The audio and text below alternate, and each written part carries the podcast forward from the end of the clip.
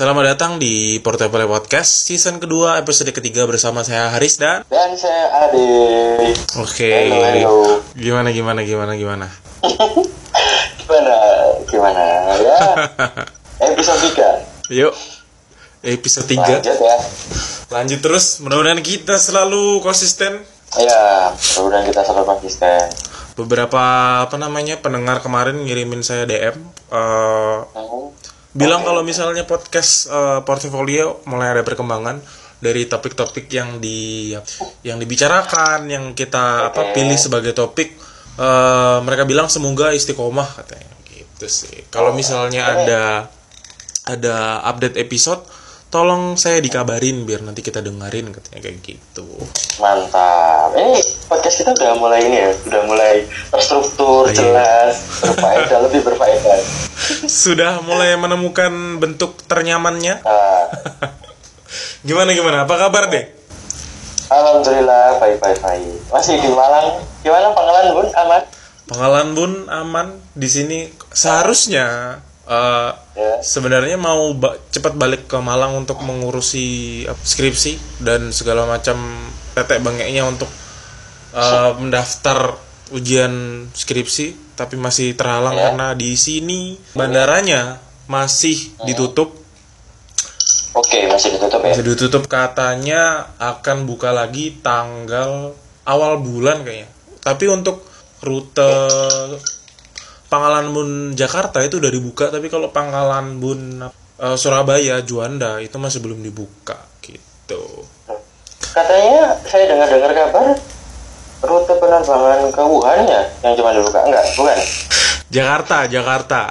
Oh, Jakarta. Jakarta. Bukan ke Wuhan ya, bukan. bukan. Ini nanti anda malah mencari mencari virusnya.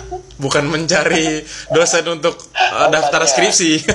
Iya, kalau jawabannya ke Surabaya, benar? Terus eh, di sini juga alhamdulillahnya eh, peraturan pemerintah sih katanya kalau mau terbang, kalau mau pergi keluar kota itu harus Ya. ki- eh, tes eh, rapid test dan itu berbayar loh. Eh, wow. Berbayarnya sekitar nggak gratis ya? nggak gratis. Itu yang sangat disayangkan sih. Jadi Oh. akan menghabiskan uang sekitar 400 sampai 500 ribu hanya untuk rapid test. Oke. Nah, untungnya di sini. Hah? Untungnya? Untungnya di sini eh, Pemkapnya menggratiskan rapid test untuk para mahasiswa dan para santri yang sedang bersekolah di luar Pangkalan Bun. Contohnya kayak ya kayak di Jawa, yang kayak di Jakarta atau di Oh, eh, di daerah lain gitu lah. Untungnya digratiskan.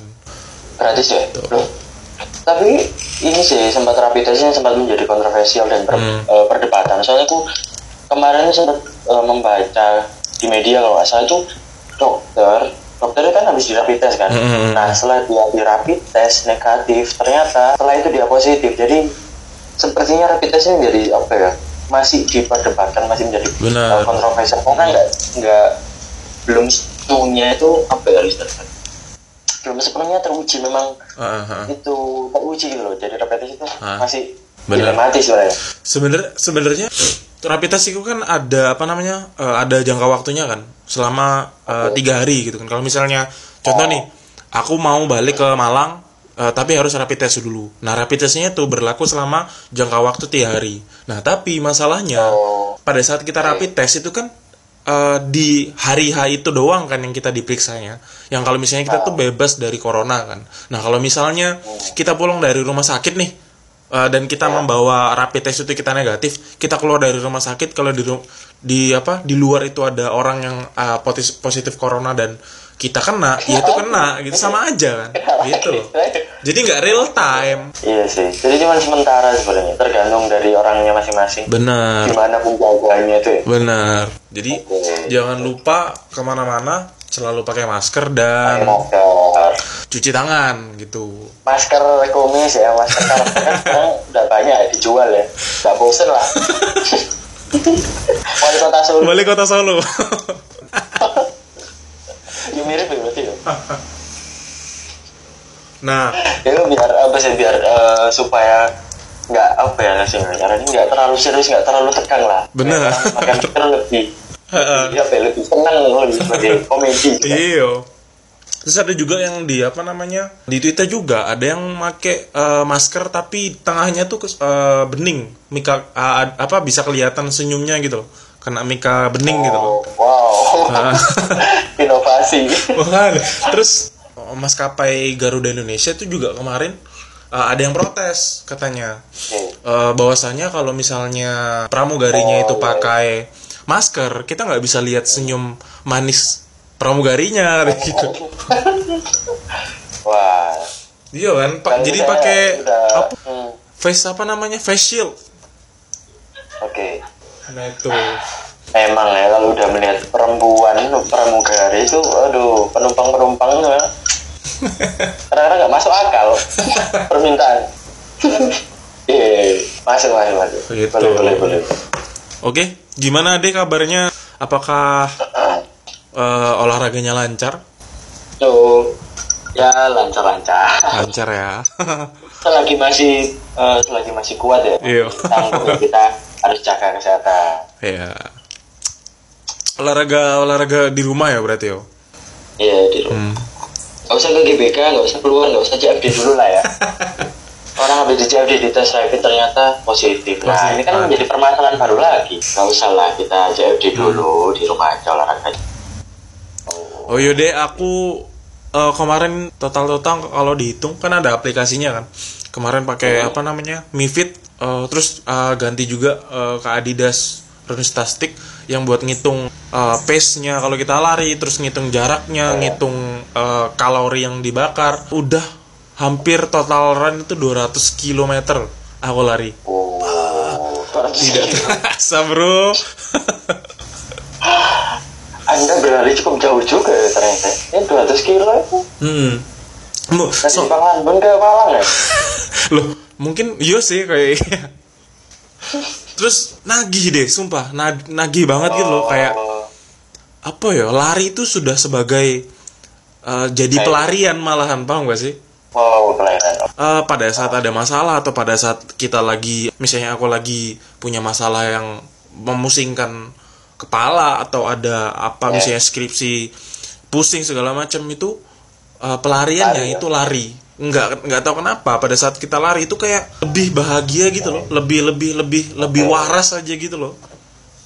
Oke, berarti memang endorfin itu sangat-sangat penting ya dalam sangat-sangat penting. itu kenapa orang yang orang kecanduan pakai narkoba ya gara-gara eh, narkoba itu mengeluarkan eh, endorfin untuk efeknya untuk untuk menyenangkan si penggunanya. Nah misalnya kalau kita mau dapat endorfin itu kan harus contohnya adalah olahraga dan misalnya kak kalau saya kan lari kan. Nah orang-orang yang eh, pakai narkoba kenapa dia ketergantungan? Ya karena dia tidak bisa menghasilkan endorfinnya secara alami gitu loh. Misalnya dengan olahraga segala cara macam. ya. nah makanya dia memakai eh, narkoba untuk mendapatkan en- eh, endorfin untuk menyenangkan dirinya sendiri gitu loh gitu jadinya ketergantungan Itu endorfin yang didapat dengan cara yang tidak baik ya. Jadi jangan Iya. gitu ya teman-teman ya. ngomong apa Mendingan lari, lari. ya. secara secara kimiawi gitu loh. Nah, ngomong-ngomong tentang endorfin narkoba dan eh, kimiawi, ini lagi lagi maraton eh, series di Netflix namanya Breaking Bad itu tentang ceritanya adalah tentang seorang guru kimia yang divonis kan eh, kanker paru-paru stadium 4. Jadi udah di akhir hidupnya gitu loh. Nah, berhubung gaji guru di situ apa gaji guru yang dia dapatkan selama setahun itu itu sangat sedikit kan jadi dia gimana caranya pada saat dia udah meninggal dia meninggalkan uang yang cukup untuk anaknya kuliah untuk keluarganya hidup selama eh, selama dia di selama apa selama waktu yang cukup lama jadi pas dia meninggal tuh dia udah udah ada udah ada ininya apa simpanannya gitu loh. Ha-ha. nah Oke. jadi Ah. Terus di ceritanya dia ketemu sama mantan muridnya. Mantan muridnya itu seorang drug dealer. Eh, gimana kalau kamu kerja sama sama aku? Aku yang bikin drugsnya karena aku tahu cara bikin drugs karena aku ini apa expert di bidang. Kimia. jadi kayak di chemistry itu dia expert kan nah kamu yang bagian Oh. ngejualnya boh seru banget sumpah itu sih salah satu apa kegiatan juga sih lagi maraton Breaking Bad Oh, ini udah season ketiga ada 5 season Ini mungkin salah satu jadi watchlistnya teman-teman pendengar untuk eh, dilihat Breaking Bad rekomend banget Yes, jadi rekomendasi ya. benar Rekomendasi tontonan. gitu Nice. Nah terus Mungkin saya akan melihat nanti benar coba deh rekomendasinya. Terima kasih. bagus bagus bagus sih Oke.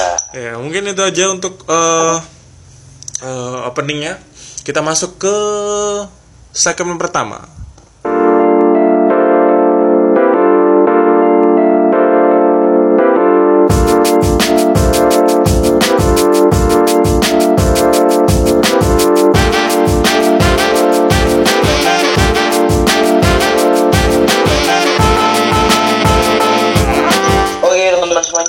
Masuk ke segmen satu. Nah, setelah kita berbicara tadi panjang lebar ya sama Hari saya tentang berbagai macam opening, isu dan lain sebagainya, kita sekarang masuk ke segmen satu tentang pembahasan kita, pembahasan kita. Pembahasan kita yang Itu udah pembahasan kita berjudul standar sosial. Standar eh, sosial. kemarin kita juga udah apa namanya?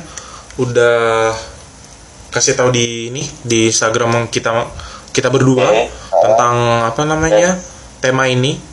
Terus kita tanya apa? Mencoba untuk menggali gimana sih perspektif para pendengar kita, eh, para teman-teman kita yang udah dengerin itu gimana sih eh, tanggapannya terhadap standar sosial? Apakah eh, ada cerita atau pengalaman yang berhubungan dengan standar sosial? Itu apa kemarin banyak sekali yang merespon ya dia. Alhamdulillahnya yang ngomong. Alhamdulillah. Berarti memang isu ini memang cukup relate. Cukup cukup relate dan cukup urgent deh di masa-masa ini. Karena hampir semua orang sering berhadapan dengan standar sosial ini gitu loh. Iya, betul. Jadi kayak apa ya? Orang pernah. Pernah, pernah, pernah bertabrakan, pernah menerapkan standar sosial itu kepada orang lain atau kepada dirinya sendiri. Itu loh. Jadi kayak Iya. ada apa ya? Ada relate eh, di topik ini. Jadi banyak banget yang ngirim tanggapannya dan ceritanya. Dan kita minta maaf kalau misalnya cerita atau tanggapannya tidak kita bacakan semuanya karena kita memilih kalau misalnya ada tema yang sama, oh kita memilih yang ini untuk mewakilkan yang lainnya gitu loh. Iya. Jadi nggak kita bacain semuanya. Benar. Kita kurasi. Benar. Dan Oke. sebenarnya tema ini juga eh, lumayan luas banget ternyata kita kemarin set kecil-kecilan Iya. itu luas banget gitu loh deh. Kompleks. Kompleks banget sebenarnya. Terus juga kami Banyak akan cabang. karena banyak cabang itu jadi kita mencoba untuk eh, membicarakan atau membahas eh, sesuatu yang eh, paling menonjol dari eh, tentang standar standar sosial ini. Eh, yang pertama adalah standar kecantikan dan juga standar eh, kesuksesan. Nah, seiring berkembangnya obrolan nanti dan perspektif dari cerita pengi- cerita-cerita dari para pengirim atau tanggapan tanggapan-tanggapan dari para pengirim, mungkin nanti bakal mencakup aspek standar sosial lainnya kita ini. Oke? Oke. Oke. Oke. Ade, gimana standar standar sosial deh? Oke. Jadi setelah kita mencoba mengulik dan memperdalam apa sih itu standar sosial, jadi eh, pengertian atau jabaran dari Kamus Besar Bahasa Indonesia telah kita temukan yaitu definisinya sebenarnya standar sosial adalah ukuran untuk Hmm. memiliki, meneliti dan memilih sikap yang baik-baiknya untuk dipergunakan di masyarakat. Mhm. Nah, ini adalah eh, definisi ya dari eh, yang kita dapatkan di KPPI. Jadi kalau kita telah lagi, kita Hmm. perhatikan dan kita pahami lagi sebenarnya ya cukup sulit untuk dimengerti sebenarnya standar Benar, sosial benar. Entah siapa yang menciptakan standar tersebut gitu loh. Jadi kayak Nah, beneran standar itu kan Iya. sesuatu yang menjadi menjadi patokan gitu kan jadi nilai Iya. jadi nilai tertentu gitu kan jadi kayak tidak tertulis sebenarnya standar sosial ini gitu kan Iya. tidak seperti hukum yang tercatat Iya. dalam konstitusi kita jadi kayak ini nih semacam sesuatu yang tidak tertulis tapi uh, efeknya tuh terasa gitu loh di di standar sosial ini semacam normal lah gitu loh ya atau etika nah eh, aku melihatnya gini Lis. sebenarnya menarik ya standar sosialnya sebenarnya menarik Hmm. ketika sebuah standar kemudian dibuat oleh orang yang membuat standar tersebut Hmm. menariknya ketika adalah ketika dia membuat standar itu standarnya itu baik dan eh, universal Benar, diterapkan oleh orang banyak. Mm-mm. tapi ketika seseorang membuat standar sebuah standar yang eh, tidak bisa di- eh, disesuaikan dengan kemajemukan orang Indonesia itu Mm-mm. menjadi persoalan baru jadi benar permasalahan. benar benar. Mungkin ini ya standar sosial itu eh, di tempat A itu bisa kayak gini di, di tempat B itu bisa kayak gitu gitu loh. Jadi eh, di setiap tempat itu bisa berbeda-beda gitu loh standar sosialnya. Benar. Macam-macam ya standar itu pas kita pas kita riset pun wah ini ternyata cukup luas gitu iya benar cukup luas dan sangat-sangat banyak orang relate ya Benar. Semua orang masih relate benar Eh, mungkin kita bakal ngomongin tentang standar standar sosial tentang karir atau kesuksesan ya deh itu gimana deh Iya. Jadi kita ini kan sudah kita akhirnya kita telah kita bedah lagi. ya. Jadi Hmm. seperti yang sudah kita bilang tadi bahwa ada banyak standar sosial dari Hmm. berbagai aspek. Nah, coba kita ngambil spektrumnya itu dari karir. Nah, kalau soal karir ini, kalau di Indonesia sendiri ya, ya, Hmm. dari standar sosial itu kalau secara penglihatan eh, masih mengedepankan bahwa orang yang sukses standarnya adalah ketika dia memiliki materi, benar memiliki memiliki kekayaan dan juga jabatan jabatan di eh, sosial di masyarakat itu. benar Nah, akhirnya ketika seseorang tersebut tidak bisa mencapai apa-apa standar dari kesuksesan yang telah dibuat di masyarakat, akhirnya dia eh, merasa bahwa dirinya Mhm. tidak bisa untuk menjadi sukses, Mhm. ya kan? tidak bisa mencapai Iya, standar Yes, tidak bisa mencapai standar. Nah, akhirnya intinya adalah bahwa dia merasa bahwa ketika dia bisa mencapai standar itu, sukses yang sudah dibuat standar oleh eh, sebagian kalangan masyarakat, dia merasa pada eh, yang kita khawatirkan itu Riz, pada prosesnya itu dia merasa tidak apa ya, tidak menemukan sebuah proses kebahagiaan dalam mencapai eh, kesuksesan Mhm. karena kesuksesan itu karena dibuat oleh orang lain dan Mhm. bukan kesuksesan menurut eh, hidupnya untuk dirinya dan Hmm. untuk kebahagiaan dirinya. kebahagiaan diri Itu sih yang benar yang, yang sangat-sangat urgent di situ sih. benar orang ngomongin tentang apalagi di Indonesia ya kalau misalnya eh, banyak orang-orang kita tuh ngelihat orang sukses secara karir atau sukses secara apa standar sosial tentang kesuksesan itu orang yang bisa misalnya bekerja eh, sebagai PNS sebagai eh, kerja di BUMN gitu loh orang yang kerja kantoran pakai jas ke- pakai mobil yang bagus pakai pakaian yang bagus gitu loh itu kan standarnya kesuksesan orang-orang kita gitu loh. Jadi kayak apa ya ya? Jadi semacam semacam sta- standar ini sebenarnya mau nggak mau ya ada sekarang dan ini terjadi. Hmm. Nah, yang ditakutkan itu dampak dampak buruk dari standar-standar yang dibuat di media atau di eh, lingkungan masyarakat kita yang kemudian memaksakan dan eh, membuat kita ini seperti apa ya? Seperti tertekan akhirnya kan? benar benar Iya. gitu Dan gak cuma harus eh, soal tadi soal harus eh, kekayaan, kekuasaan, jabatan dan sebagainya. Toh kalau kita merasa diri kita bahwa bisa berkontribusi, bisa bermanfaat walaupun sedikit ya dampaknya. Hmm.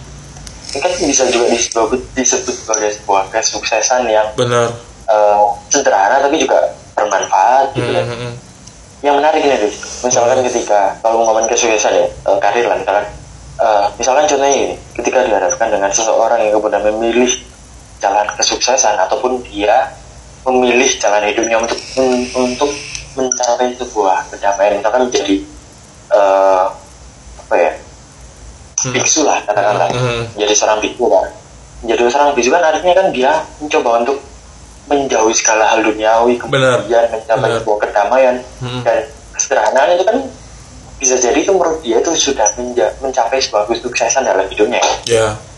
Eh, kemarin kan aku punya pertanyaan deh.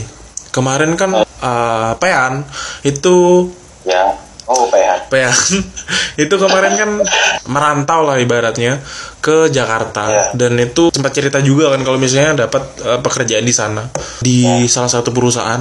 Terus aku bilang wah lumayan sih baru lulus udah udah bisa dapat kerjaan langsung gitu kan. Menurutku tuh wah ini OT- OTW eh, sukses karirnya ini di sana gitu loh. Karena ya aku ngerti kemampuan awamiku ya opo dan aku percaya awamiku iso mencapai sesuatu di sana gitu loh. Nah terus beberapa waktu kemudian aku bercerita juga kalau misalnya udah udah tidak di situ lagi gitu dan mendirikan usaha di Malang eh, secara mandiri itu gitu kenapa awakmu memutuskan untuk eh, tidak melanjutkan karir di sana dan eh, mencoba untuk eh, usaha sendiri di sini gitu itu kenapa Oke, ini agak sedikit panjang tapi tak, tak, ya, tak- intinya adalah intinya. ya.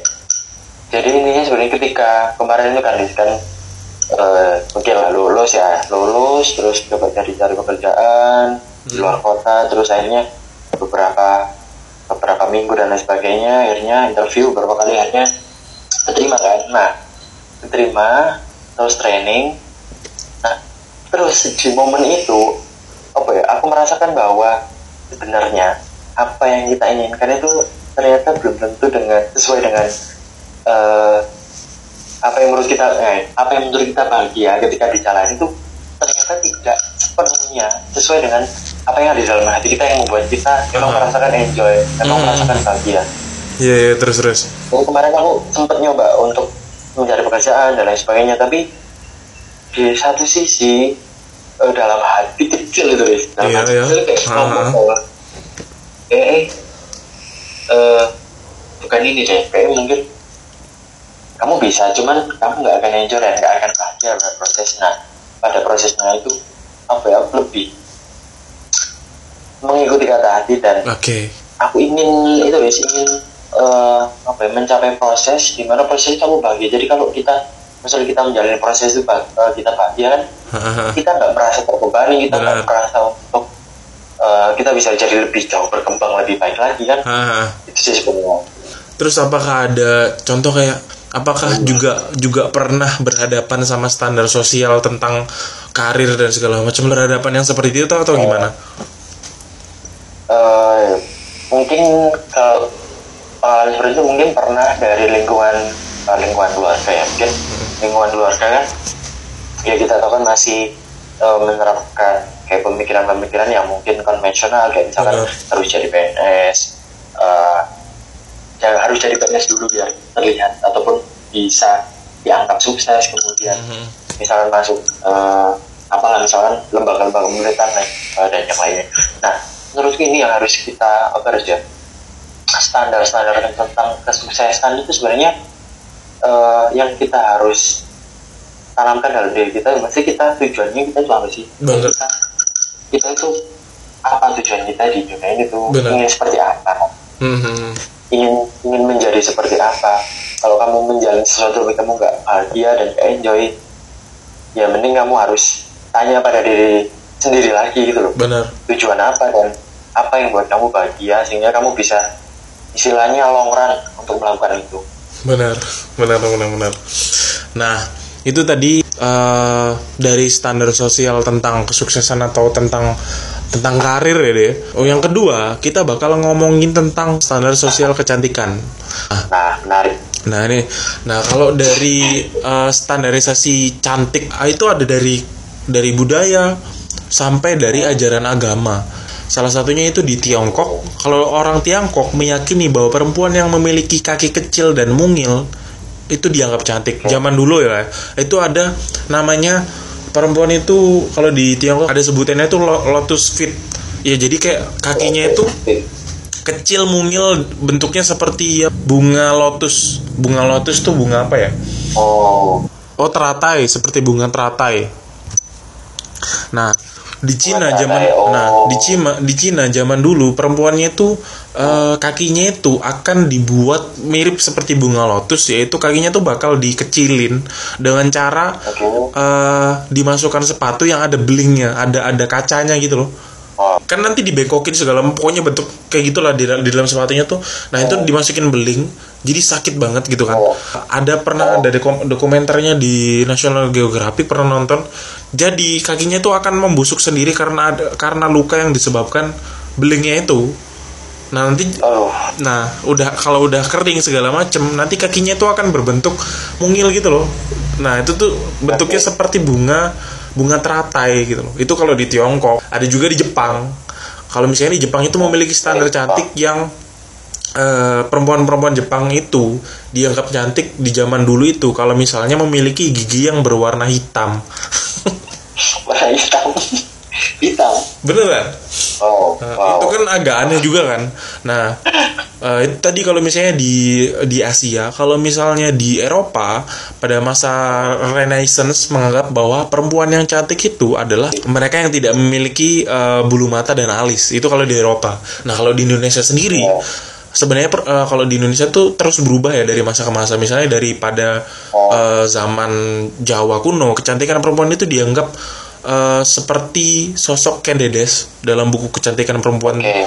itu Ken Dedes disebut memiliki betis berwarna kuning, kulitnya halus serta memiliki war memiliki wangi harum yang khas. Jadi kayak kalau bisa kita lihat dari tadi di Tiongkok, di Jepang, Eropa dan di Indonesia dari masa ke masa, ada standar cantik yang berbeda-beda gitu loh. Jadi ya seperti tadi kita tadi bilang di setiap tempat tuh punya standar eh, sosialnya masing-masing terutama kecantikan gitu kan. Nah, Tadi kita bilang dari budaya juga ada, terus ada di agama. Nah, kalau misalnya di agama itu dalam Islam misalnya, cantik itu eh kalau dari hadisnya ya, yang kita baca kemarin adalah wanita itu dinikahi karena empat hal. Yang pertama, hartanya, keturunannya, terus kecantikannya dan eh, juga agamanya. Itu hadisnya Bukhari dan Muslim. Nah, kalau di Alkitab eh, juga memberikan pandangannya ter- terhadap kecantikan ini deh. Pada kenyataannya Allah sendiri yang melihat eh, bahwa apa yang telah Ia ciptakan itu sungguh amat baik. Meskipun eh, bagian dari apa dari apa yang Tuhan lihat itu adalah kecantikan fisik, namun kualitas yang eh, terpenting adalah apa yang ada di dalamnya. Itu kalau dari eh, agama eh, ini ya Islam sama Ki- Kristen. Kalau di Kristen itu tadi di Alkitabnya. Jadi Oh. Meskipun agama menekankan bahwa kecantikan perempuan bukan uh, dilihat dari fisik semata, masih banyak perempuan yang kerap Oh. merasa was-was karena merasa fisik yang uh, memiliki fisik yang tidak cantik gitu loh. Jangan Terus, salah ya Riza hmm, itu loh masih apa masih yang sudah disebutkan yang kamu sebutkan dari Riza Hmm. kan mereka eh, untuk mencapai cantik kan harus istilahnya menyiksa diri. menyiksa diri. harus melukai diri sendiri kan dan itu yang menarik Inggris yang di Eropa. Hmm. perempuan cantik yang nggak punya eh, bulu mata dan alis itu kan kalau mitos di Indonesia kan nggak bi- bisa lihat setan. Nggak ada bulu mata nggak alis ini cuma lihat setan.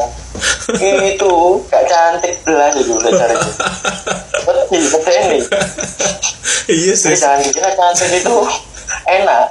Benar, tapi tapi zaman sekarang banyak cewek yang berusaha untuk mencapai standar cantik yaitu dengan alis yang yang sempurna, makanya dia mencukur alisnya untuk di bisa di diukir lagi di di apa dia bikin alis supaya lebih sempurna daripada sebelumnya. Itu kan konsep yang aneh gitu kan. rebranding alis ya Makanya nih, itu mungkin juga apa ya pengaruh media gitu. Jadi kayak meskipun Iya, kriteria se- senantiasa berubah dari masa ke masa, tetapi dalam beberapa dekade terakhir, kriteria kecantikan yang sering kali ditampilkan oleh media itu cenderung memiliki kesamaan. Misalnya, berubah tubuh yang langsing, kulit yang putih bersih, rambut yang panjang, mata besar dan hidung yang mancung. Pandangan eh, nyaris Iya, pandangan nyaris yang seragam ini terhadap konsep cantik tanda kutip merupakan akibat dari paparan media eh, yang berlangsung secara terus-menerus setiap harinya gitu loh. Jadi eh, ini ini tuh yang bikin eh, melahirkan budaya eh, populer kecantikan di masyarakat. Misalnya standarisasi tersebut membuat kelompok-kelompok tertentu itu menjadi termajinalkan karena tidak dapat memenuhi standar yang ditentukan oleh media. Jadi kayak orang-orang yang berkulit eh, gelap gitu. Jadi kayak itu termajinalkan gitu loh orang yang punya hidung yang tidak mancung atau mata yang sipit atau rambut yang keriting gitu loh. Terus muka yang jerawatan padahal kan eh, tidak semua orang eh, punya kulit yang yang bersih gitu loh yang yang bening gitu loh. Jadi ada ada masalah di mukanya juga ada masalah terhadap kulitnya juga. Dan itu apa ya gara-gara ada standarisasi eh, kecantikan eh, di apa yang di, juga dipengaruhi media terus menerus kalau misalnya cantik itu kayak gini jadinya tuh kayak merasa Iya. insecure gitu loh deh Hmm. untuk cewek-cewek yang tidak benar sekarang ini ya media kita ya masih apa ya menerapkan seperti ini harusnya Benar. Kayak gini, gitu. terus Masih menerapkan menerus gitu seperti ini nah kalau di komunikasi itu kan kita kenalnya sebagai eh, teori jarum hipodermis Weh. Oh, cakep. Aku senang ya kalau kalau sudah ada teori-teori komunikasi Ya. ini relevan dengan pendengar kita ya. Iya. Gimana para eh, gimana media itu eh, terus secara terus menerus memberikan stimulan gitu loh. Ini ini ya, correct me if I'm wrong ya. Ini teori jarum hipodermis itu kayak gitu. Pokoknya gitulah karena media yang memberikan eh, pandangannya atau eh, standarisasinya terus menerus jadinya tuh eh, cantik itu secara eh, dari waktu ke waktu itu akan didefinisikan seperti itu ya kayak langsing Putih. muka yang putih. terus mata yang besar mancung segala macam gitu. Nah, itu juga yang jadi standar itu tadi, itu juga muncul yang namanya double standar atau standar ganda deh. Oke, apa double standar? Nah, kalau dari uh, double standar, uh, double standar alias standar ganda adalah ukuran moral dengan membuat penelitian terhadap subjek yang berbeda. Contoh paling dekat yang sering kita temui adalah ketika seorang cewek menangis, maka hal yang dianggap wajar. Tapi kalau misalnya cowok yang menangis, cowok disebut uh, apa ya? Dianggap lemah gara-gara nangis gitu. Oke. Nah, itu kan sebuah standarisasi sosial yang punya standar ganda gitu loh. Eh, penilaian moral itu sering banget kita temuin di Indonesia dan biasanya dilakukan sebagian Oh. sebagian orang buat mengadili perilaku orang lain yang punya perbedaan prinsip kelompok agama maupun ras. Contoh eh, tadi kayak misalnya cewek, eh, cewek nangis itu hal yang biasa. Cowok nangis itu dianggap Nangis lemah. lemah. Nah, terus Oh. eh, cewek kurus makan banyak eh, dianggap cewek yang kurus itu kalau makan banyak dianggap lucu karena makannya banyak tapi nggak gendut-gendut gitu loh, iya kan? Nah, kalau misalnya cewek gendut makan banyak dianggap rakus, ya kan? Nah, terus benar. Terus tentang apa namanya misalnya nih cewek eh, cowok dideketin banyak cewek itu dianggap populer. Kalau misalnya apa namanya cewek yang di didekati banyak banyak laki-laki itu dianggap sebagai cewek yang eh, murahan gitu loh kayak flirting terus gitu loh deh. Oke. Heeh. Oke. Contoh lagi nih, kalau pada saat laki-laki itu menunjukkan ketegasannya, ngatur-ngatur segala macam dari A sampai Z itu diatur, dia dianggap sebagai orang yang punya leadership, punya kemampuan leadership yang tinggi gitu kan. Sedangkan kalau misalnya perempuan yang ngatur, ngatur ini itu dianggap bosi. Itu kan gara-gara ada standar itu juga kan. Nah, selain itu apa namanya pada saat misalnya laki-laki itu ngobrol tentang eh, misalnya ngobrolin orang lain itu dianggap sebagai eh, eh, update gitu kan. Nah kalau misalnya cewek ngobrolin orang lain itu dianggap gosip gitu. Itu kan jadi nggak ada standar yang standar berbeda yang ditetapkan gitu loh. Jadi kayak double standar gitu loh di gitu. Oh, oh. Iya. Jadi benar-benar me- menyadarkan banget ya bahwa iya ini terjadi di kita lingkungan kita ya ya? Hmm. double standar ini sampai sekarang. di sekitar kita. Dan kita entah itu kita sengaja atau tidak kita juga menerapkan hal itu. Atau pernah merasakan dan juga pernah melakukan. Apa ya sadar nggak sadar lah ibaratnya gitu kan. Itu. Berarti kayak sama aja kayak misalkan eh, laki-laki ya misalkan contohnya dia berpendidikan tinggi oke nggak masalah tapi kalau ketika cewek berpendidikan terlalu tinggi dianggap dianggap eh, terlalu independen benar benar.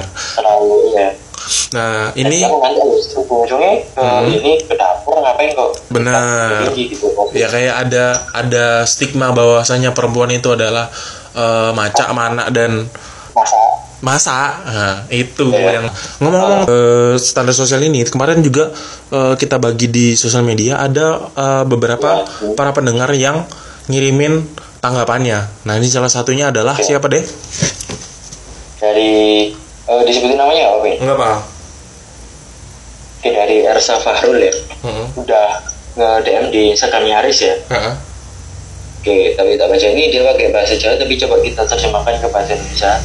Eh, ini kata Ersa Fahrul ya, Ersa Fahrul dia ngomong kalau menurutku tidak ada hak orang lain untuk menentukan standar sosial, tapi setiap orang harus menentukan standar yang layak buat diterapin di kehidupan sosial. Mana yang pantas atau yang tidak pantas, oke bukan yang baik atau tidak baik.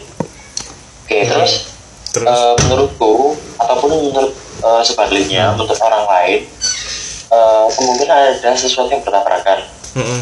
semakin modern semakin rentan pula untuk dikritik tanpa sebuah solusi dalam hal apa pun Mm-mm. walaupun misalnya contohnya dalam penampilan kemudian sebenarnya penampilan yang eh, nyentrik yang unik walaupun sebenarnya tidak masalah tapi dianggap orang lain itu sebagai suatu hal yang bertabrakan dengan eh, standar mungkin standar dia berpenampilan benar Mm-mm. terus dia eh, si Arsa Paruli ngomong bahwa standar sosial sekarang itu terlalu abu-abu katanya tidak Makin jelas di sini, Ah, ah. Eh, makin jelas hal-hal hal-hal eh, yang dianggap tabu juga makin ke sini ditoleransi dan dianggap lumrah lumrah. Mm-mm. sebaliknya eh, juga yang awalnya lumrah ada yang lama-lama dianggap tabu seperti bertanya sesuatu yang umum terkait pekerjaan yang sebenarnya niatnya tanpa untuk menjatuhkan atau eh, atau tanpa untuk menyindir orang yang ditanya tersebut. Cuman contoh sekarang eh, lebih banget terhadap pertanyaan itu Mm-mm. Nah, terus kemudian yang terakhir adalah seputar eh, standar sosial. Eh, itu lebih bagaimana kita eh, memenuhi permintaan orang lain dan itu yang sebenarnya menyebabkan masyarakat rentan untuk eh, tidak merasa percaya diri atau insecure terhadap hal hal-hal yang terjadi dalam hidupnya dan akhirnya kemudian imbasnya adalah menyalahkan diri sendiri. oke Pertanyaannya adalah sampai kapan ya? Sampai kapan hidup kita mau dihabiskan ataupun eh, mau kita lakukan habiskan untuk membaikkan orang lain, Oke. tapi buat bukan untuk diri sendiri. Nah, apakah ini juga bisa dikatakan sebagai sebuah egoisme Ha-ha. dan eh, sebagai sebuah egoisme yang akhirnya membuat diri kita menjadi orang yang terlalu gampang untuk mengiyakan sesuatu yang bahkan membuat yang bahkan belum tentu kita sendiri pun merasa bahagia dengan jawaban kita itu sendiri. Nah, itu ya. Dari Ed Ersa Farul. Terima kasih sudah sharing. Oh, sudah sharing. Terhadap ini ya tanggapannya ya tentang apa standar sosial yang ada di uh, masyarakat tadi menarik. tadi dia bilang tentang kalau misalnya orang tuh nggak punya hak terhadap uh, standar uh, apa namanya menentukan standar sosial. Tapi setiap orang Iya. harus menentukan standar yang layak untuk diterapin di kehidupan sosial. Mana yang pantas mana yang enggak? Itu kan ada kalau uh, di garis bawahi memantaskan gitu. Uh, ada yang apa? Ini ini pantas nggak sih kalau misalnya kita tunjukin uh, di luar gitu loh? Ada ada ada norma-norma yang harus kita hormati juga sebenarnya gitu loh. Hmm. gitu itu yang serta merta kita cuek terhadap benar. Sebenarnya kita nggak serta merta cuek terhadap norma yang berlaku di masyarakat ya. benar. Pasti nggak sampai nggak sampai kebablasan lah intinya. benar. Sebenarnya tuh kata memantaskan diri itu bisa dipakai untuk apa pun gitu loh deh kayak misalnya kita berhadapan dengan standar sosial ini kita misalnya pakai eh, apa namanya kalau misalnya kita berlaku seperti ini di eh, keadaan masyarakat yang si eh, karena keadaan masyarakat eh, di masyarakat A itu pantas nggak sih? Di masyarakat B itu pantas nggak sih? Nggak nggak semua yang kita terapkan di masyarakat A itu bakal bisa diterima di masyarakat B. Jadi harus memantaskan gitu loh. Iya gitu. Ini setuju banget aku sama Ersa Yes. Tuh. Kita sepakat ya, setuju. ya? sepakat sepakat Ersa? nah Oke, terus thank you, thank you thank you thank you udah tanggapannya katanya dia juga nungguin apa namanya eh, rilis episode ini karena eh, temanya menarik banget katanya gitu Oke. nah Nice. eh, ini juga ada eh, pengirim eh, inisialnya eh, A dan dia tidak mau disebutkan eh, identitasnya. Eh, dia juga menanggapin eh, tentang eh, standar sosial ini. Dia bilang gini, tiap orang itu harus berba- eh, harus bahagia dan boleh punya standar kebahagiaannya masing-masing. Setiap orang juga juga bebas dan boleh eh, nggak sepakat dengan standar kebahagiaan eh, orang lain. Itu namanya hak asasi. Yang nggak boleh itu ngatur kebahagiaan orang pakai standar dia sendiri dan ngerasa paling sempurna. Apalagi kalau so- sampai bawa-bawa dalil agama untuk menjustifikasi dirinya benar atau bahagia. Lalu orang lain salah dan tidak bahagia. Ini ini banyak banget contohnya. Nah, ngeri kalau sudah gitu. Ini termasuk standar kesuksesan juga ya. Ah, tapi in my humble opinion, yang udah-udah banyak orang yang eh, aku temui mau yang masih muda hingga yang sudah berumur kelihatannya nggak pernah puas sama apa yang dipunya. Indikatornya apa? Sibuk ngebandingin dirinya sendiri dengan orang lain. Nggak pernah merasa cukup sama yang dipunya. Ujungnya nyinyir dan repot ngurusin hidup orang lain. Oh, itu benar angkanya dibilang ini banyak banget dia benar sih memang ini aduh ini ya benar sih ini memang banyak terjadi gitu. benar. terus yang menarik Iris Hmm. eh, ketika- eh, di akhir sih aku menarik ke ini eh yang udah udah yang tadi bilang si A bilang bahwa entah masih muda entah entah udah tua eh, banyak yang merasa nggak puas sama dirinya sendiri Iya. karena itu kebandingan dengan dirinya dengan orang lain nah ini kan berarti aku pernah eh, melihat sebuah quotes ataupun perkataan itu sebenarnya kalau kita masih iri dengan orang lain masih istrinya masih cemburu masih iri dengan kehidupan Ah. orang lain berarti kan Mhm. berarti intinya kita belum bisa menjadi diri sendiri Benar. kita tidak menjadi diri sendiri Oke. Mm. Itu tadi uh, beberapa tanggapan dari para pengirim. Maaf kalau misalnya tidak bisa uh, membacakan semuanya, tapi uh, mungkin dari tanggapan-tanggapan yang di- diberikan sama pengirim itu, pengirim yang tadi, uh, Mas Ersa dan si A, uh, si A ya itu bisa mewakilkan apa yang uh, ingin disampaikan gitu loh. Gitu.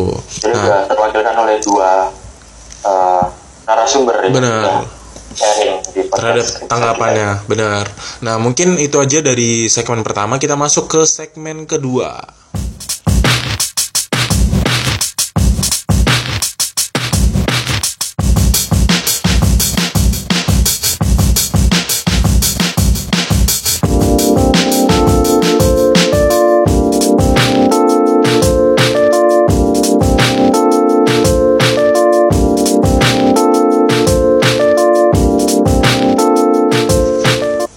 kita masuk ke segmen kedua. Kita di sini akan membacakan cerita eh, pertama tentang standar sosial dari pengirim eh, yang tidak ingin disebutkan eh, identitasnya. lagi-lagi tidak ingin disebutkan ya Ya, soalnya kalau sama kita aman dah cerita dah. Yang penting kita mendengarkan perspektifnya gitu kan. Nah, ini pengirimnya pengirimnya berinisial eh, M. oke Oke, cerita pertama. Saya adalah seorang pengajar di salah satu lembaga pendidikan di sekolah tinggi yang cukup terkenal. Saya sering menemukan men- eh, mendengar komentar-komentar yang berhubungan dengan standar sosial yang kadang tidak nyaman untuk didengar. Salah satunya, satu, penampilan kamu bukan seperti dosen.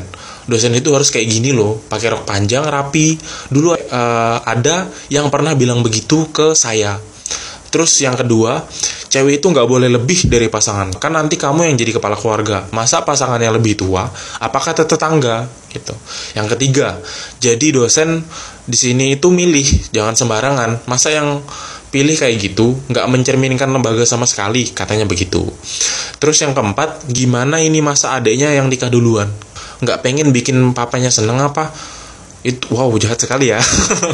oh Terus yang kelima, kacau ada juga yang nggak kalah epic komentarnya yang dilontarkan kepada salah satu senior di tempat saya eh, bekerja. Dia bilang gini, tiba-tiba memanggil dan menceramahi. Jadi dosen perempuan itu nggak usah aneh-aneh, bikin konsultan segala. Kalau mau punya usaha sampingan ya buka aja toko kelontong di rumah, biar bisa fokus ngurus suami sama anak nanti. Wow. Terus eh, aku nanya kan deh, ini kan eh, obrolan kan, obrolan di DM kan. Terus bilang, saya bingung apa yang bikin eh, apa yang bikin bertahan untuk tetap waras di antara komentar-komentar jahat seperti itu. Aku bilang kan. Dan kenapa bisa orang berkomentar tanpa memikirkan perasaan orang, orang lain dengan mudahnya gitu kan? Eh, si M bilang kalau misalnya ya berusaha nggak nggak dengerin mereka dan nyari kesibukan yang lebih faedah. Sedih nggak denger kayak gitu beberapa ada yang sedih, ada juga yang marah, tapi nggak nggak aku balas langsung. Capek soalnya nggak guna. Juga rasanya kalau ngadapin orang model kayak gitu. Aku punya standar sendiri. Bagi aku nggak pakai standar orang. Suksesku ya nggak pakai standar orang gitu loh. Jadi ya udahlah nggak usah repot-repot ngurusin mulut orang. Lagian mereka juga nggak bener-bener amat hidupnya. Oke, ini savage sih setuju aku. Pernah sih pernah sih ada uh, saudara yang kebangetan komentar lalu uh, langsung aku semprot dan akhirnya malah perang dingin. Tapi setelah itu jadi ngurangin komentar yang sifatnya ngurusi hidupku. Tapi aku nggak rekomen cara itu untuk jadi opsi pertama sebagai tindakan savage tanda kutip nggak uh, dan nggak cantik mainnya. Kalau udah nggak tahan ya gimana lagi? Yang uh, yang menghalangi bahagia itu uh, kalau kita pakai ukuran hidup orang lain. Un- untuk mengukur hidup sendiri nggak akan ada puasnya. Bilang kayak gitu. Terus kalau menurutku yo ini jahat banget sih sumpah yang komentar kalau udah ngomongin tentang standarisasi kalau misalnya tentang penampilan kita kamu kalau misalnya uh, pakai kayak gini kamu tidak mencerminkan kamu itu profesi apa itu kan sesuatu termasuk jahat tapi masih biasa aja tapi kalau sudah termasuk dalam uh, sesuatu yang privasi itu jahat banget sih menurutmu ya apa? Ya, siapa itu? Ini anu ya, benar-benar loh. Maksudnya benar-benar komentar-komentar dari orang-orang hmm. itu benar-benar dari segala aspek loh, Riz. Hmm. Dari segala aspek. Jadi apa pun itu, apa pun yang kita lakukan itu nggak akan pernah lepas dari komentar, nggak akan pernah lepas dari ke ya, kayak gini gini. Hmm. Komentar-komentar terus, komentar-komentar komentar-komentar yang ini sih terkesannya menjatuhkan ya, bukan bukan kritik membangun ya, malah kayak apa sih? Malah kayak lebih uh, orang lain tersebut yang berkomentar terhadap Bener. si ini siapa ini kan sih dia merasa bahwa standar gini harus diterapkan ke kamu hmm. hmm. nah akhirnya komentar itulah yang kemudian terlontarkan dari mulutnya ya dari mulut si itu kepada si e, narasumber ini karena dia merasa bahwa standar ini itu harusnya ya kamu harus mengikuti standar ini hmm. jadi benar dipaksakan standar dipaksakan. dia untuk digunakan itu yang benar orang itu begitu sih hmm. membuat aku nggak aku aku nggak paham yo kok ada orang yang bisa berkomentar terhadap uh, orang lain terhadap hidup orang lain dengan sangat jahatnya gitu loh. Apalagi tentang benernya apalagi tadi tentang yang apa namanya cewek itu nggak boleh lebih dari pasangannya. Kan nanti kamu jadi kepala keluarga masa pasangannya lebih tua? Uh, ini untuk uh, mendefinisikan cewek itu tidak boleh lebih tua umurnya daripada uh, laki-laki karena cowok yang akan memimpin rumah tangga gitu kan katanya gitu kan nah kalau itu kejadiannya ada loh salah satu pemimpin negara di dunia yaitu yaitu Perancis Emmanuel Macron uh, namanya itu Macron, ya Macron. Macron itu kan presiden Prancis yang uh, apa yang sekarang menjabat istrinya kan 24 tahun lebih tua daripada ini kan daripada si Macronnya sendiri kan buktinya juga bisa mendukung karir uh, si laki-lakinya dengan baik untuk jadi presiden Prancis gitu loh apa salahnya terhadap umur yang lebih tua gitu loh justru kalau aku bilang ya laki-laki itu uh, tidak akan pernah dewasa setuju setuju gak? Iya Nah, tidak akan pernah dewasa selamanya. selamanya. tidak ada yang salah dari umur yang lebih tua daripada yang yeah. Dari yang laki-laki gitu loh. Justru akan akan bisa membantu gitu loh kalau misalnya dasarnya adalah cinta gitu loh. Dasarnya adalah sama-sama sama-sama membahagiakan uh, satu sama lain gitu loh. Jadi jahat banget orang yeah. ngomong kayak gitu dan FYI lagi-lagi itu lebih suka perempuan yang terkadang itu lebih berpengalaman loh karena, karena laki-laki kan kayak nggak pernah dewasa dan butuh sosok yang dewasa kan hmm. jadi aku pernah baca nulis masih pernah baca survei itu gimana ini jadi laki-laki lebih suka perempuan yang lebih berpengalaman lebih dewasa jadi nggak yeah. gimana apa ya?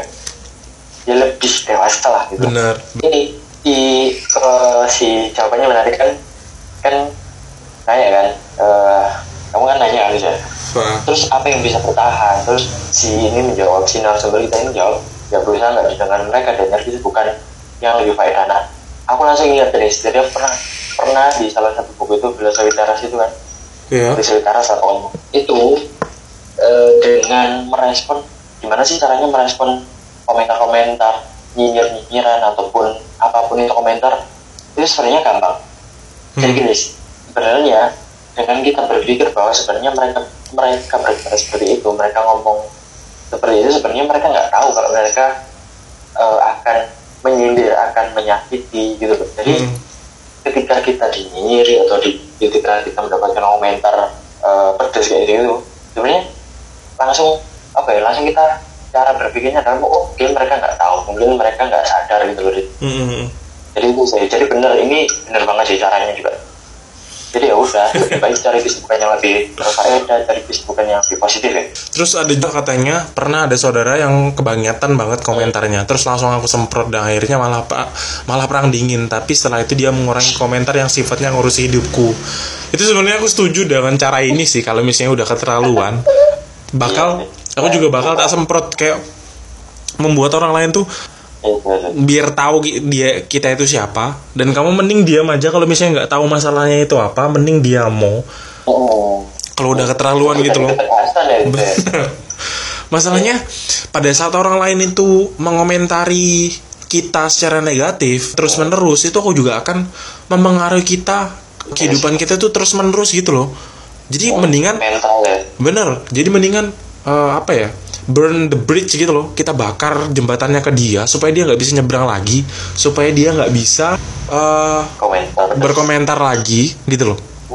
Ini salah satu cara yang yang kalau misalnya udah keterlaluan sih tapi kalau dari si M ini bilangnya aku tidak merekomenkan opsi yang pertama sebagai tindakan yang uh, savage karena itu tuh nggak nggak nggak cantik mainnya gitu loh.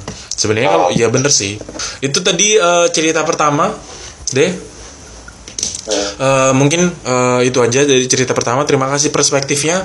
Kita masuk ke cerita eh, kita masuk ke cerita kedua.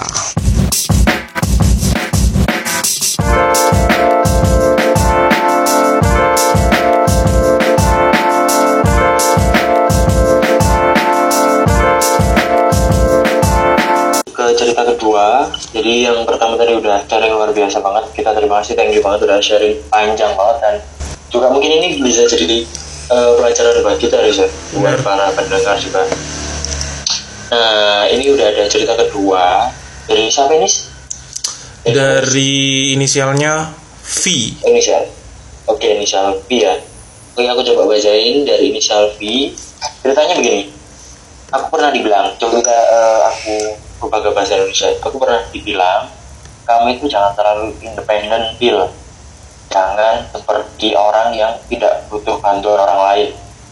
Lagian dengan caramu seperti itu membuat orang lain itu minder. Intinya seperti itu. Nah, eh, si ini narasumber kita ini dapat omongan seperti itu. Dengan posisinya si narasumber kita ini lumayan eh, punya hubungannya akrab.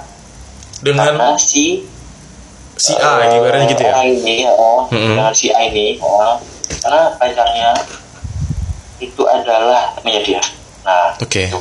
terus kemudian dia eh, ngerespon lagi jadi aku nggak tahu ya itu masuk standar sosial atau bukan kalau aku sih nangkepnya dia dan beberapa orang yang pemikiran sama dia itu mungkin mikirnya cewek itu harus ada rasa bergantungnya ke orang lain rasa tidak berdaya ke orang lain padahal kan tidak harus seperti itu memang siapa sih yang membuat eh, peraturan ataupun sebuah eh, eh, ya aturan perempuan harus ada sisi lemahnya yang maksudnya perempuan mengeluarkan sisi vulnerable atau fragile, rapuh dan lain sebagainya agar laki-laki itu bisa menjadi sebuah apa ya bisa menjadi sosok hero, sosok pahlawan dan memberi makan egonya. Nah, yang kemudian memberikan komen atau mengkritik ke dia ini nggak cuma satu tapi eh, yang dan juga melabeli diri, dirinya itu Mbak Ci Mbak ini si inisial V ini terlalu independen. Mm-mm. Nah ya, memangnya ada apa dengan perempuan yang independen? Dijawab si narasumber kita ini. Toh pada akhirnya semua orang juga harus bisa apa-apa sendiri kan? Nah, seperti itu. Kalau menurutku independent it's good. Apalagi untuk perempuan. Karena pada akhirnya eh, yang memper, yang menyelamatkan kita pada akhirnya itu adalah kita sendiri. Kalau kita misalnya kita tidak pada pada akhirnya kalau misalnya kita kita tidak bisa menyelamatkan diri kita sendiri, terus mau siapa yang nyelamatin gitu loh. Terus Terus, tentang ini eh, mungkin juga dialami sama, sama si V ini juga kalau misalnya jadi cewek itu jangan terlalu high maintenance. Jangan terlalu independen jangan terlalu tinggi derajatmu terlalu tinggi standarmu.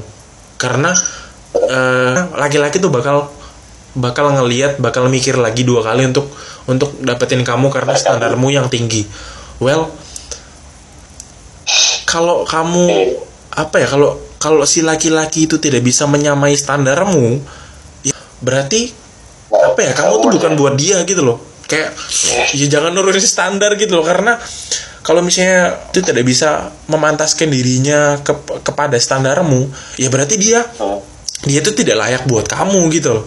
Jangan menurunkan standar gitu. Itu sangat sangat tidak nyaman untuk untuk dilakukan gitu loh menurunkan standar kita karena supaya kita namanya bisa lebih digapai. Masalahnya kenapa eh, buah yang paling tinggi tempatnya itu lebih lebih lebih manis rasanya ya? Karena itu jarang di jarang bisa digapai sama orang gitu loh. Analogi dan ini misalkan kalau bicara ngomong soal misalkan perempuan ya perempuan terlalu independen kan artinya kan berarti kan jika perempuan itu independen independen kan akhirnya berarti kan dia punya kecerdasan punya sebuah eh, Kemandirian. kecerdasan. Hanya kan eh, dan ini kan bagus ya. Artinya kan ya beruntung orang yang ataupun laki-laki mendapatkan perempuan yang cerdas kan berarti anak exactly yang cerdas kan berarti berasal dari ibu yang cerdas kan. Benar. Dan jadi bagus apa ya kemungkinan parentingnya juga dia bagus soalnya enggak dia tuh punya kecerdasan ya kan? Mm-mm. Terus aneh juga kalau misalnya ada laki-laki yang bilang jangan terlalu independen karena tidak ada ruang untuk laki-laki menjadi menjadi hero untuk menolong kamu. Well, fuck you gitu loh kayak untuk temanmu yang bilang kayak gitu tuh. Kamu kalau misalnya mau jadi hero, alasan benar. Kalau kamu misalnya mau jadi hero, apa ya? Jadi hero untuk dirimu sendiri gitu loh. Tolong dirimu sendiri untuk lebih bisa mencapai standar yang tinggi gitu loh. Untuk memperbaiki dirimu sendiri untuk memantaskan dirimu gitu jadi pahlawan untuk dirimu sendiri untuk menolong dirimu sendiri. Sumpah aku kalau emosi mau jadi hero eh, kalau mau jadi hero gak usah gak usah ribet-ribet. Pedalaman pedalaman bangun sekolah ya.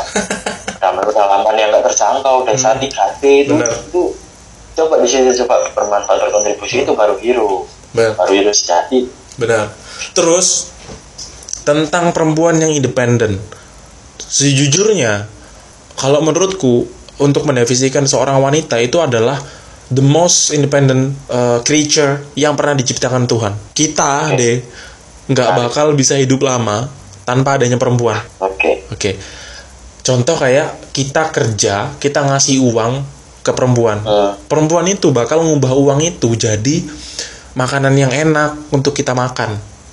Kita ngasih eh, perempuan akan menyediakan eh, rumah yang nyaman untuk kita tempatin. Itu kan sebuah apa ya? Kalau kita kasih ke perempuan sesuatu itu akan diubah jadi lebih baik di tangannya dia gitu loh. Nah, kalau misalnya perempuan itu tidak independen, tidak bisa mandiri, ya masa apa-apa harus bergantung sama laki-laki kan tidak harus seperti itu kan. Justru eh, kalau bisa dibilang eh, perempuan itu sebenarnya tidak ada di belakang kita. Dia tuh sebenarnya tuh di sampingnya kita gitu loh. Sama-sama punya kesempatan yang sama untuk membuktikan dirinya sendiri gitu loh.